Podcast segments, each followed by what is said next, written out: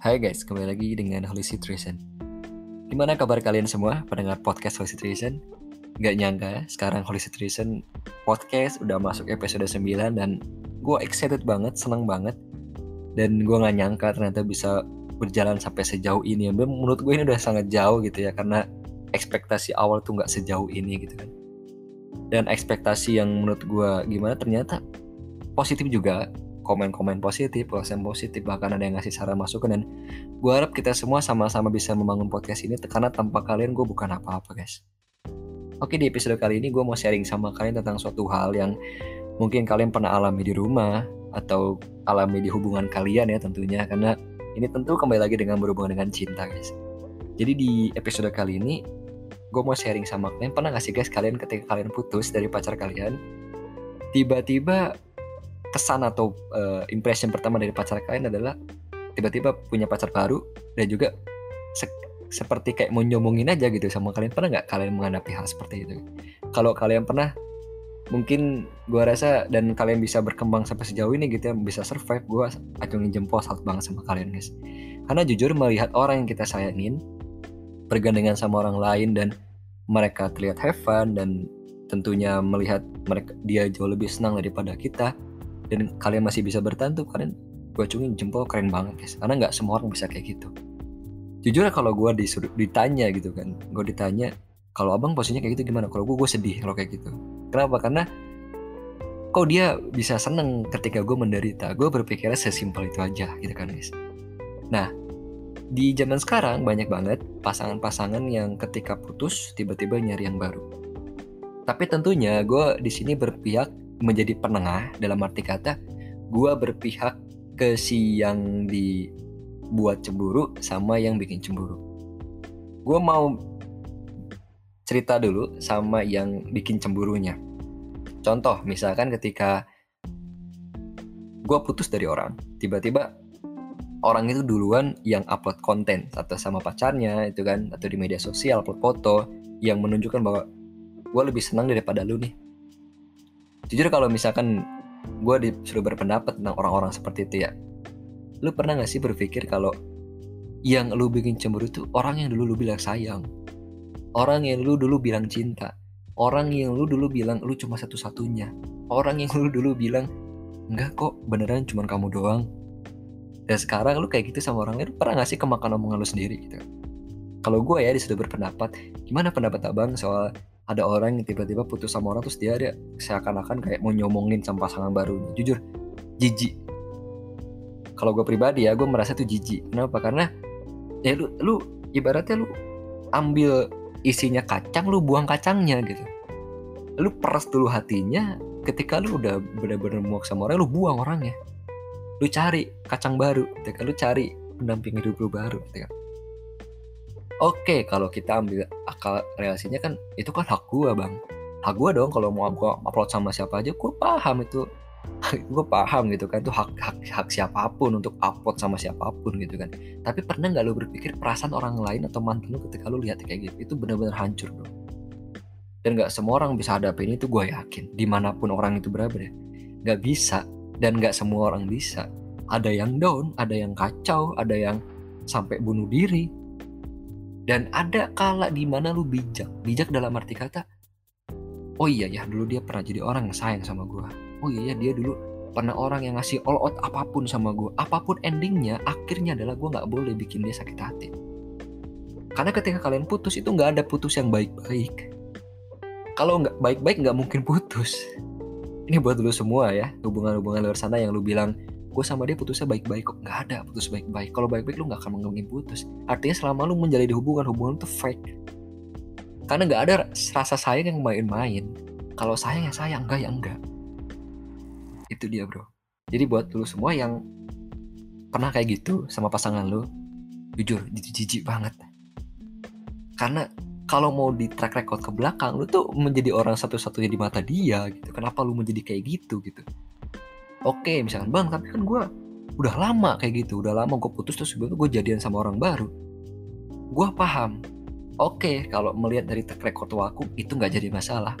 Lu putus setahun tiba-tiba lu upload foto sama orang itu nggak jadi masalah karena sudah gue yakin kalau dalam jangka waktu yang lama mungkin pasangan lo teman-teman lo udah pasti melupakan lo gitu kan. Mungkin ketika datang jadi cuma saya hai aja atau saya hello aja menjadi kawan gitu kan.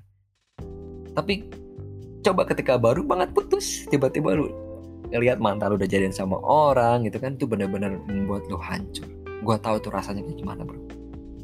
Jadi buat orang-orang yang ketika baru putus tiba-tiba nyari pacar baru gue rasa entah lu selingkuh ya kan atau mungkin entah lu gimana atau mencari pelarian atau atau ketika lu mencari pelarian jujur ketika lu alasan lu tuh mencari pelarian ketika lu lu nggak mau sendiri lu lagi jatuh terus lu nggak mau sendiri lu nyari pacar baru gitu kan jujur lu benar-benar bikin orang lain itu jatuh atau atau sakit hati bro. Kenapa gue bilang kayak gitu? Karena ketika dia tahu ternyata lu cuma menjadi pelarian itu benar-benar sakit hati. Coba dibalik posisinya ketika lu jadi hal orang seperti itu. Lu pasti orang yang makin makin banyak ngomong. Orang yang besar mulut tuh orang-orang kayak lu. Ketika orang yang besar mulut adalah ketika orang yang nggak mau berada di posisi tapi dia kayak gitu sama orang lain tuh orang yang besar mulut. Itu orang-orang yang benar-benar jijik banget jujur ya buat yang kayak gitu coba deh lu coba hargain pasangan lu atau mantan lu.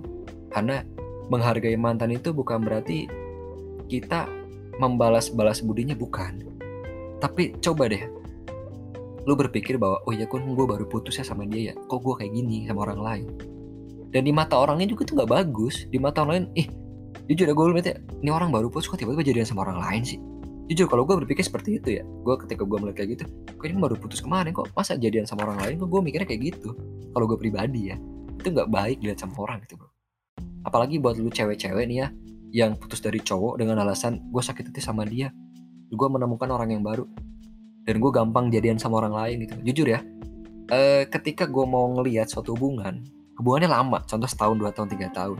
Tiba-tiba putus terus tiba-tiba dapat pacar baru. Itu timbul pertanyaan gue pribadi ya gue pribadi menimbulkan pertanyaan gimana rasanya hubungan yang udah dibangun panjang tiba-tiba putus sekali putus lu jadi nama orang baru terus itu lupa terus lu melupain orang itu aja mantan lu lupain lupain gitu aja.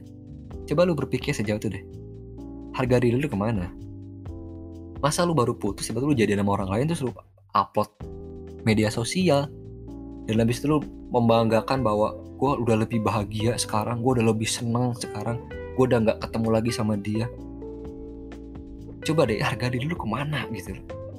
Dan wibawa wibawa lu tuh ke mana gitu? Di mana rasa wibawa dan rasa harga diri lu tuh ke mana gitu? Lu baru putus lu lu pemor-pemorkan sama orang lain dan lu ber lu beranggapan bahwa orang lain akan akan menganggap bahwa alhamdulillah lu seneng ya sekarang gini gini. Enggak enggak semua orang berpikir seperti itu.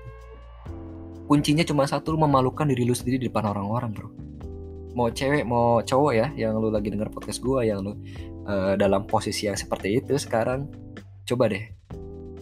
Coba ketika lu di posisi seperti itu lu seperti apa? Melihat mantan lu atau orang lain itu meratapi kesedihannya nggak bisa melupakan lu tapi lu udah jadi yang nama yang lain gitu. Solusinya gimana bang? Kayak gitu. Tapi kan gue udah jadian sama orang tapi gue udah sayang juga sama dia. Ya gak bisa dengan cara lain dengan cara lo mungkin gak perlu menunjukkan konten itu sama orang yang bersangkutan sama mantan lo mungkin. Karena jujur ketika orang bersedih terus dia mengucapkan kata-kata yang membuat Tuhan mengabulkan dosanya lu bakal kena karma bro. Contoh sederhananya ketika gue putus dari orang gue sakit hati sama orang itu lu benar-benar sakit hati gue berdoa sama Allah ya Allah ya Tuhanku buat yang beragama Kristen ya Tuhan Yesus buat lu yang agamanya apa pun lu berdoa sama Tuhan lu. Gue sakit hati sama dia. Gue pengen dia hancur. Lu bisa hancur. Kenapa? Karena kan doanya orang yang tersakit itu benar-benar tajam bro. Jangan salah. Karma juga dan karma juga bermain hati-hati bro. Itu yang pertama. Yang keduanya buat orang yang dalam posisi di seperti itu kan ya maksudnya dibikin cemburu sama pasangan lu gue salut sama lu gue salut lu masih bisa bertahan sejauh ini. Lu masih bisa paham gitu kan bahwa sebenarnya sebenarnya nggak apa-apa lah dia dapetnya kayak gitu. Gue sadar diri gue kayak gini. Gue salut sama orang-orang ini gue nggak perlu banyak komen sama orang-orang kayak ini karena menurut gue cuma satu artinya dia udah bisa memanage dirinya sendiri. Dan kalau udah orang-orang seperti itu artinya lu udah bisa sabar sama apa yang bakal lu hadapi di kemudian hari. Karena lu aja bisa menghadapi hal yang paling sulit dalam hidup lu dalam dalam asmara lu. Dan lu menemukan di masalah lain lu bakal lu bakal lebih isi lu bakal lebih mudah. Dan tetap teguh dalam pendirian lu sendiri bro. Dan itu aja yang mau gue sharing sama lu bahwa belajarlah gak selamanya mantan itu menjadi orang yang paling buruk. Karena ketika lu beranggapan mantan itu paling buruk lu bakal balas dendam sama mantan dan balas dendam itu adalah hal paling konyol dan paling bodoh yang yang dilakukan balas dendam itu nggak pernah nggak pernah jadi solusi yang terbaik bro Jangan pernah kayak gitu. Jangan pernah memulai suatu hubungan karena balas dendam. Jangan pernah memulai suatu hubungan karena pelampiasan. Jangan pernah memulai suatu hubungan karena alasan kesepian. Hargain hati lu sendiri dan hargai hati orang lain. Dan ingat satu bro, karma itu pasti ada. Gue ucapin terima kasih buat pendengar-pendengar gue. Sampai jumpa di next episode, next konten selanjutnya. Jangan lupa pantengin Instagram Holy Situation di situ ada konten-konten menarik juga buat lu semua. Dan sampai jumpa.